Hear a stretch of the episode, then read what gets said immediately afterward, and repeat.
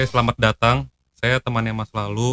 Jadi ini merupakan bagian dari saya nggak tahu sih nanti bakal dimasukin atau enggak ke channelnya Mas Lalu yang apa namanya keluar duluan. keluar duluan Saya kira keluar di dalam.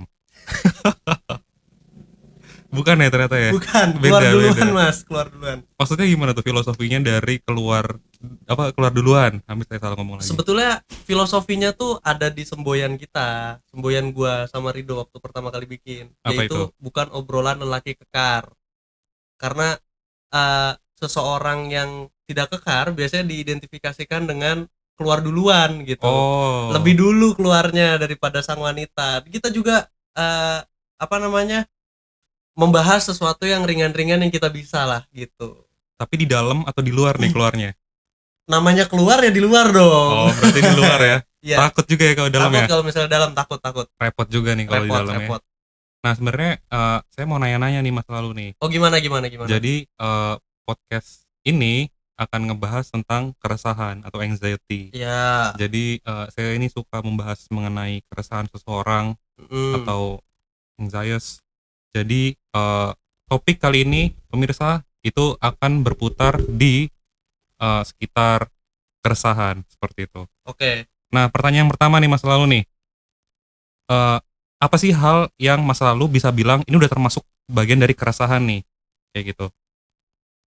eh itu kayak kalau menurut gua nggak tahu sih ya ini benar definisinya atau enggak tapi menurut gua ketika gua sudah bilang itu resah berarti gua terus memikirkannya gitu loh Jadi sesuatu hal yang Mas Lalu pikirkan secara panjang, intens, terus menerus sampai Continuous. akhirnya mengganggu lah ya. ya Jadi eh, keresahan itu identik Tapi- dengan hal yang mengganggu nggak? Atau nggak selamanya tapi mengganggu? nggak selamanya mengganggu sih nggak selamanya mengganggu Ah. kadang keresahan itu ya cuma sebatas pikiran doang sebatas pikiran yang yang memang sebetulnya intensitas dan kontinuitasnya itu loh Oh uh, dia iya, iya, dia iya. stabil gitu nggak nggak mesti dia harus membuat gua merasa terganggu atau gimana gitu nggak Tapi ada nggak keresahan-keresahan yang menyenangkan atau bahagia misalnya kayak, aduh nih mending keluar di dalam apa di luar nih? Kayak gitu kayak Ah. keresahan-keresahan yang Ah, tapi kalau misal menurut gua ya sesuatu yang lu resahkan itu sebetulnya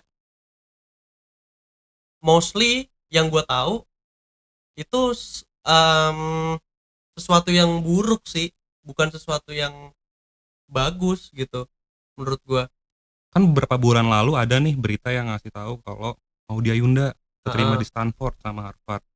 Menurut Mm. lo dia resah nggak sih kayak gue pilih yang mana nih? Eh, justru itu menurut gua kalau dari perspektif mau di Ayunda dia tuh bukan resah tapi dilema Dilema. dilema nah kalau misalnya dari perspektif gua gua resah nih orang ngapain ngomongin kayak gini gitu nah itu Oke, oke, sesuatu oke. yang buruk gitu menurut gua bukan sesuatu yang positif karena gua memiliki perasaan seperti itu misalnya Oke, berarti orang-orang juga sudah mulai harus memisahkan yang mana yang dimaksud dengan resah dan juga dilema. ya Kayak gitu. Berarti ada dua hal yang kata berbeda nih, sobat-sobat. Gue nggak tahu gue ngomong sobat-sobat apa Iya, anjir, nanti ini dikat aja lah ya. gak apa-apa udah sobat-sobat ini lah. MC-nya lu sekarang Ya gue kan masih magang lah. Ini Enggak jadi lah. ceritanya saya sedang magang di di podcastnya Mas eh gimana Lalu. Mbak Muhtar Aduh mbak saya ini belakangan lagi susah buat diajak apa sih namanya? lagi sakit tau Mbak Muhtar Nah itu kurang tahu dia kayaknya lagi apa ya? Kan ada mid age crisis ya, mid age crisis eh mid life crisis. Nah dia tuh udah bukan mid lagi, last life crisis. Jadi Mbah Motar ini sedang mengalami hal-hal yang berat sebetulnya. oke oke Nah jadi oh ya balik lagi nih mas, tadi ke topik keresahan. ada pertanyaan nih dari diri saya sih sebenarnya. iya gimana? Karena belum saya nggak punya Twitter, nggak punya Instagram juga, Iya, jadi nggak ada. yang- Mas Punjo? Pertanyaannya adalah apa yang membuat Mas lalu itu merasa resah? Maksudnya bel- eh, ah.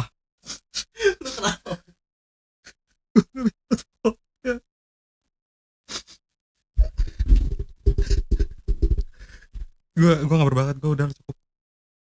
It's enough lanjutkan anjir gue nggak bisa lah udah udah cukup. Ini udah gue rekam loh.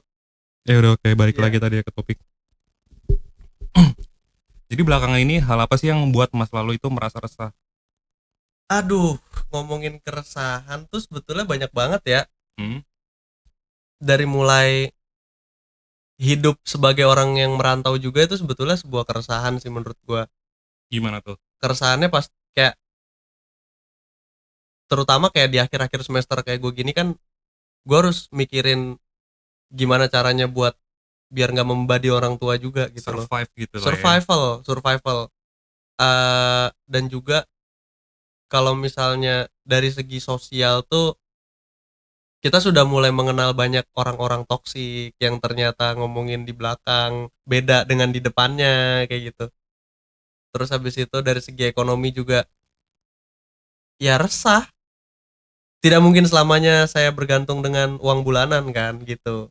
Iya iya iya iya. Itu juga Ada- sebenarnya saya rasain juga sih Heeh, Karena ada juga kalanya merantau. kayak gue harus bekerja mencari uang untuk tambahan makan karena makan burjo sudah tidak lagi seenak dulu gitu. Udah mulai bosen lah ya. Udah mulai bosan bukan karena rasanya nggak enak ya udah mulai bosan menunya itu itu aja jadi eh, keresahan yang Mas lalu hadapi sekarang ini terkait tentang bagaimana caranya hidup lah ya tentang Hmm, survival. Iya. Kan soalnya banyak nih teman-teman yang ngerasain keresahan itu terkait sama cinta mm-mm. pertemanan seperti itu. Dan masalah mungkin lebih lebih umum ya dan Mm-mm. lebih kompleks mungkin Iya, karena iya. ini saling terkait. Ada masalah keuangan Ha-ha. juga ada masalah pertemanan. Masalah keluarga juga. Ya masalah keluarga. Kalau masalah percintaan ada nggak nih mas? Keresahan masalah percintaan. Resah masalah percintaan tuh kayak gimana ya hmm gue nggak tahu sih ya Hah? apa yang ada di pikiran orang-orang sekarang cuman kalau misalnya di pikiran gua sih Hah?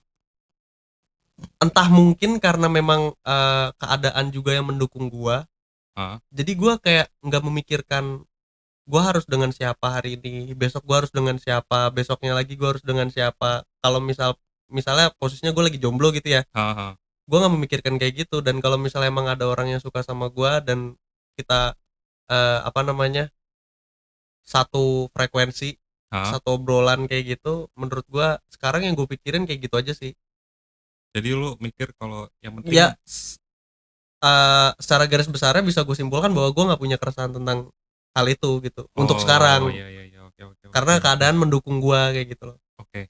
Tadi kan Mas lalu bilang nih kalau uh, sisi keresahan terbesar itu karena merantau. Sejak kapan sih mulai ngerasain? Karena kan orang biasanya kalau awal-awal ngerantau tuh ngerasa, waduh gue kayak ngerasa bebas nih, gue ngerasa seneng. Mm-mm. Nah lu kapan nih ngerasain, lu mulai resah karena lu ngerantau? tentunya ketika teman-teman semua sudah meninggalkan saya Nah itu juga sebenarnya hal yang cukup banyak lah ya dialami sama orang-orang kayak masa-masa akhir perkuliahan, Iya, orang iya. udah punya kesibukannya masing-masing. Mm-mm. Apalagi kalau ada ada yang udah lulus duluan. iya iya iya Nah itu pasti kayak semakin berat lah iya kehidupan yang kita jalani. Kalau lu lu gantian gue yang nanya lah Kan gue hostnya bro, gue lagi ya magang. nggak apa-apa kan kita pengen tukar pikiran aja Oh, gitu iya, iya, lu nggak oke. punya keresahan tentang kehidupan lu gitu Nah kenapa gue selalu ngangkat topik keresahan nih? Jadi sebenarnya Hmm. gue pengen buat podcast nih. Heeh. Jadi gue magang dulu di tempat lo. Oh, gitu. Ini gue pengen buat Ah. podcast yang ngebahas tentang keresahan-keresahan Mm-mm. kayak gitu. Kenapa gue buat eh, podcast yang ngebahas tentang keresahan? Karena gue sendiri tuh ngerasain banyak banget nih keresahan dalam hidup gue. Heeh. Jadi gue termasuk tipikal orang yang anxious. contohnya contohnya contohnya misalnya kan Heeh. di episode sebelumnya pernah nih ngebahas gue tentang sinus Iya, Iya. gua sinus.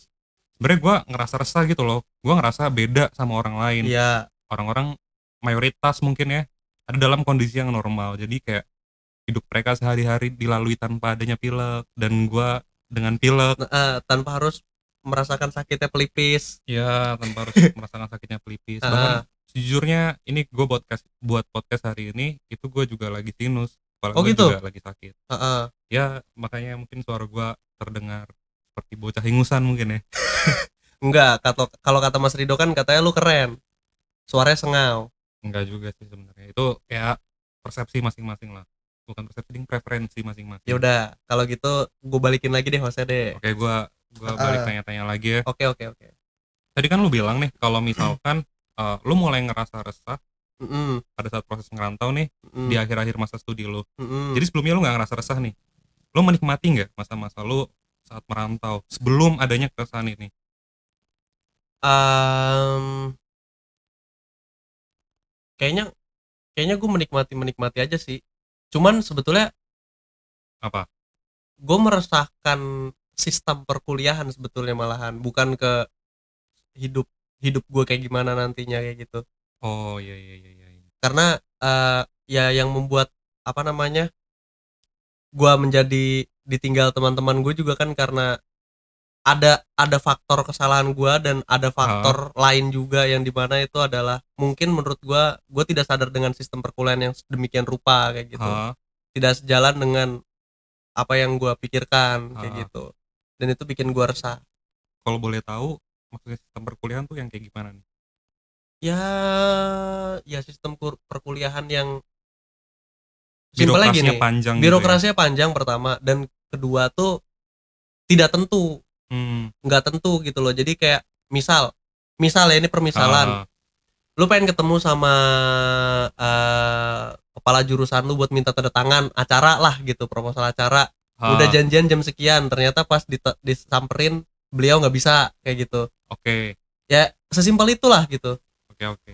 Tapi bukannya itu sebenarnya harusnya masuk ke dalam proses pendidikan ya? Maksud gue kayak dosen Mm-mm, itu sebagai salah satu pihak yang memberikan pelajaran nih kepada kita mm-mm. harusnya bisa ngasih contoh dong iya nggak sih? Iya.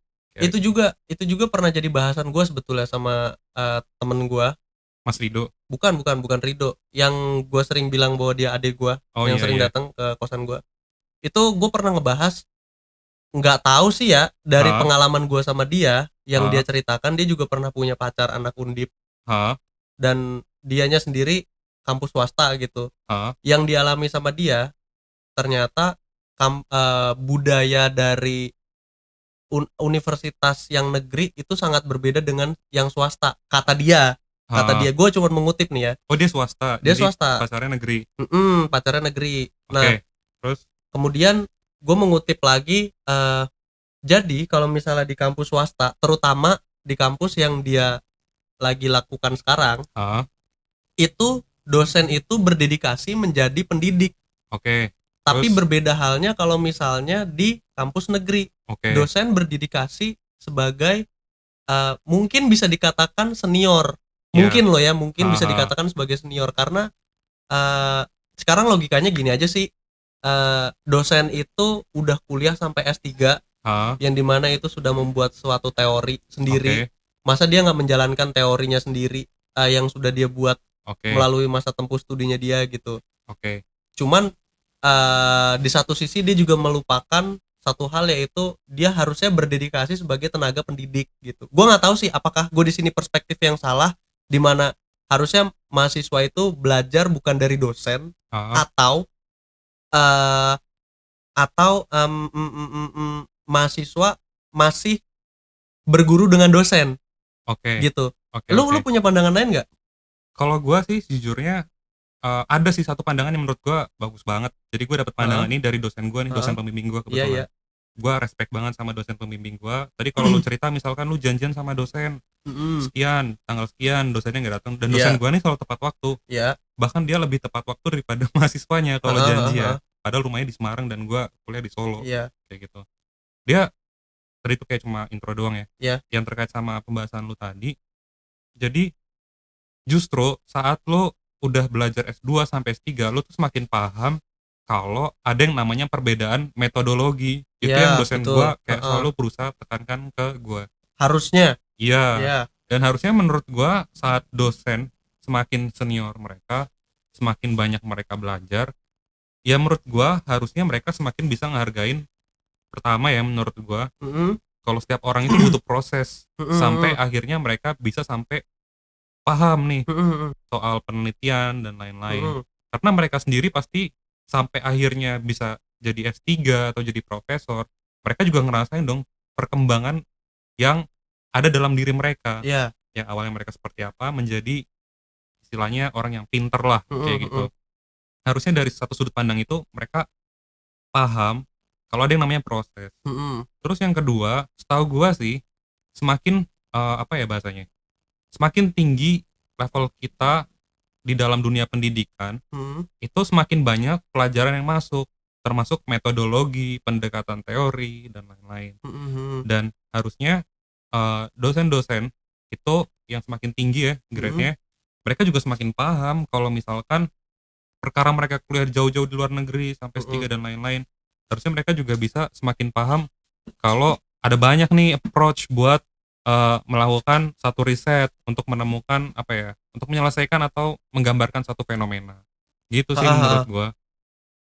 Eh itu juga gimana ya gua kalau misalnya ngomongin masalah itu tuh sebetulnya itu ada itu terangkum dalam satu permasalahan bukan permasalahan satu keresahan yang yang yang yang gimana ya menurut gue cukup cukup kompleks ya. Ah, karena gue ngerasanya di kampus gue terutama itu banyak mhm, gue nggak bisa bilang semua tapi banyak dari dosen-dosen yang gue kenal karena mereka udah menempuh pendidikan yang cukup lama dan Hah? cukup sulit ah, untuk eh, mendapatkan gelarnya. Mereka lupa bahwa adanya perbedaan metode dan perbe- perbedaan pendekatan itu ah, sangat amat kontras gitu loh. Jadi sing- singkat katanya kayak dosen ini udah punya metode seperti ini apabila mahasiswa tidak mengikuti metode yang seperti itu maka dikatakan salah gitu loh. Sedangkan sedangkan kalau misalnya nih ya misalnya ya ah, eh, kita bimbingan tugas akhir ah, dapat dosen pembimbing A sama B misalnya. Oke, ketika kita konsul ke A dia punya metode seperti ini. Ah, kemudian kita konsul ke B dia punya metode seperti ini iya, yang di mana kalau misalnya ini dua-duanya atau salah satu nggak bisa menerima perbedaan itu bakal sangat sulit buat mahasiswa gitu loh Nah, sebetulnya saya juga pernah ngalamin hal, Ah. seperti itu sih. Jadi itu menurut gua ya, justru itu challenge lah kita sebagai mahasiswa. Itu kalau pendapat gua pribadi sih. Karena menurut gua selain lu dituntut untuk pinter ya sebagai mahasiswa, ini juga kesempatan sih menurut gua. Jadi kalau gue boleh sedikit cerita ya, eh, mungkin sebagian dari teman-teman gua itu pada saat proses skripsi ada yang eh, istilahnya dosen pembimbing sama dosen penguji punya metode yang sama. Nah kebetulan eh, hal tersebut nggak terjadi nih di gua. Jadi dosen pembimbing gua dan dosen penguji gua punya perbedaan metodologi. Kan kalau kita pikir secara pendek ya, apes banget sih anjir kayak kok bisa-bisanya gitu loh mereka punya Hmm. metode yang berbeda, pemikiran yang berbeda. iya iya Tapi kalau gua mau coba ambil sudut pandang yang positif sebagai mahasiswa, kan gue punya goals buat belajar di universitas. Dan eh, salah satu hal yang menarik bagi gua buat belajar adalah gimana nih caranya gue bisa memediasi antara dosen A dan dosen B yang punya perbedaan metodologi ini. Gimana Hmm. caranya gue bisa berdiplomasi. Jadi eh, nggak cuma gua belajar soal apa ya bahasanya tapi akhirnya lu malah membuat metode baru nggak sih Nah, itu sih sebenarnya. Jadi maksud gua saat gimana ya? Gua nggak tahu sih apa yang terjadi sama lu. Mungkin lu mengalami hal-hal yang berat. Jadi kayak saat lu mengalami hal-hal yang berat, lu tuh jadi semakin bisa ngehargain orang, lu dapet sesuatu hal yang baru dan itu sebenarnya lebih berharga sih. Meskipun hal tersebut tuh kelihatannya buruk dan atau bahkan bisa jadi nggak terlihat Heeh. kayak gitu. kalau gue lebih kayak gini sih Jung Eh, jadi kan apabila gue dalam posisi seperti itu ya dan gue kebetulan sudah pernah me- me- merasakan dalam posisi seperti itu gitu Hah? eh gue nggak tahu ini bener atau salah kemungkinan juga salah kemungkinan besar salah Hah? karena ya gue sampai sekarang juga belum lulus lulus gitu kan jadi hal yang gue ambil adalah gini loh hmm, bisa dikatakan kalau misalnya seseorang dalam posisi yang seperti itu Hah? dan lu harus memediasi berarti lu menemukan metode baru yang di mana harusnya gue masih berpegang prinsip bahwa kita kuliah S1 untuk menerapkan teori untuk menerapkan suatu teori gitu Iya. bukan untuk mencari metode baru atau teori baru Oke. kayak gitu kalau gua sih berpegangnya masih seperti itu kalau menurut lu eh gimana Tapi menurut gua bisa jadi juga sih karena lu apa ya? eh, gabungin antara dua metode yang berbeda. Jadi ya gue setuju sih selain ada proses diplomasi yang lu pelajari di sana, yang lu lakuin di sana, lu secara nggak sadar mungkin juga bener sih kata lu. Bisa jadi ya, bisa jadi kita juga buat metode yang baru kayak gitu. nah itu dia. Sedangkan nah ini masuknya ke dilema malah. Hah? sedangkan gue berdilema eh, ya eh, gua sebagai mahasiswa S1 gua harus menerapkan sebuah teori yang udah ada sebelumnya. Kayak gitu. Ya itu jadi dilema terbesar gua. Dan mungkin menjadikan keresahan resahnya tuh atas masalah sistem perkuliahan. Oke oke. dilemanya ya karena itu tadi gua Oke. harus me- me- me- me- melakukan apa Iya iya iya, gue paham. gitu. gua paham. Karena emang ada hal yang buat kita jadi lebih jadi bingung ya gara-gara situasi-situasi yang kita nggak Iya. pernah duga nih sebelumnya. Eh, tapi ada kemungkinan gini gak sih mas? Tadi kan lu mikir nih kalau eh, ada keresahan di A, B, C, D, F, G. Mungkin gak sih keresahan-keresahan yang muncul di dalam diri lu ini itu disebabkan sama ekspektasi kita nih. Kita punya ekspektasi A, terus nggak tercapai sampai akhirnya kita ngerasa resah. Jadi mungkin ada simil- ada similaritasnya lah antara keresahan sama masalah kayak gitu. Menurut gua menurut gua nih ya ketika sebuah keresahan itu terjadi pastinya kita memiliki ekspektasi. Eh, pastinya kita memiliki ekspektasi dan juga atau dan juga atau gimana ya dan juga atau tuh anjir. Atau lu tidak memiliki ekspektasi tapi sesuatu yang terjadi tidak sesuai dengan norma yang berlaku oke menurut oke, gua oke. maka timbullah keresahan. Kalau situasi lu nih maksudnya Mm-mm. keresahan yang lu alami sekarang itu Yang lagi masuk ke dalam alamin. kategori yang mana nih? Ah kayaknya kategori yang pertama sih. Jadi lu punya, punya ekspektasi.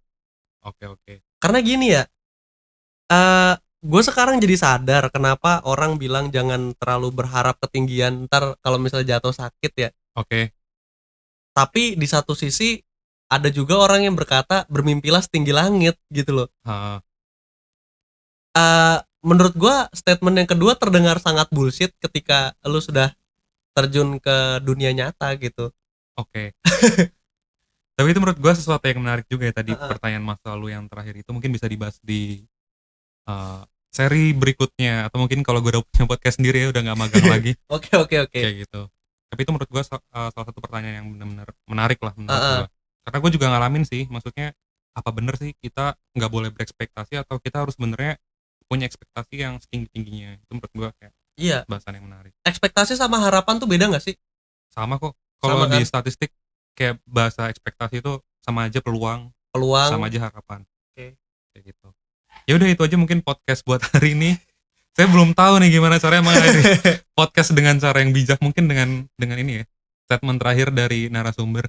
Silahkan mungkin Bung Lalu. Jadi buat teman-teman semua yang masih kuliah atau yang sedang struggle da- dalam hidupnya gitu ya.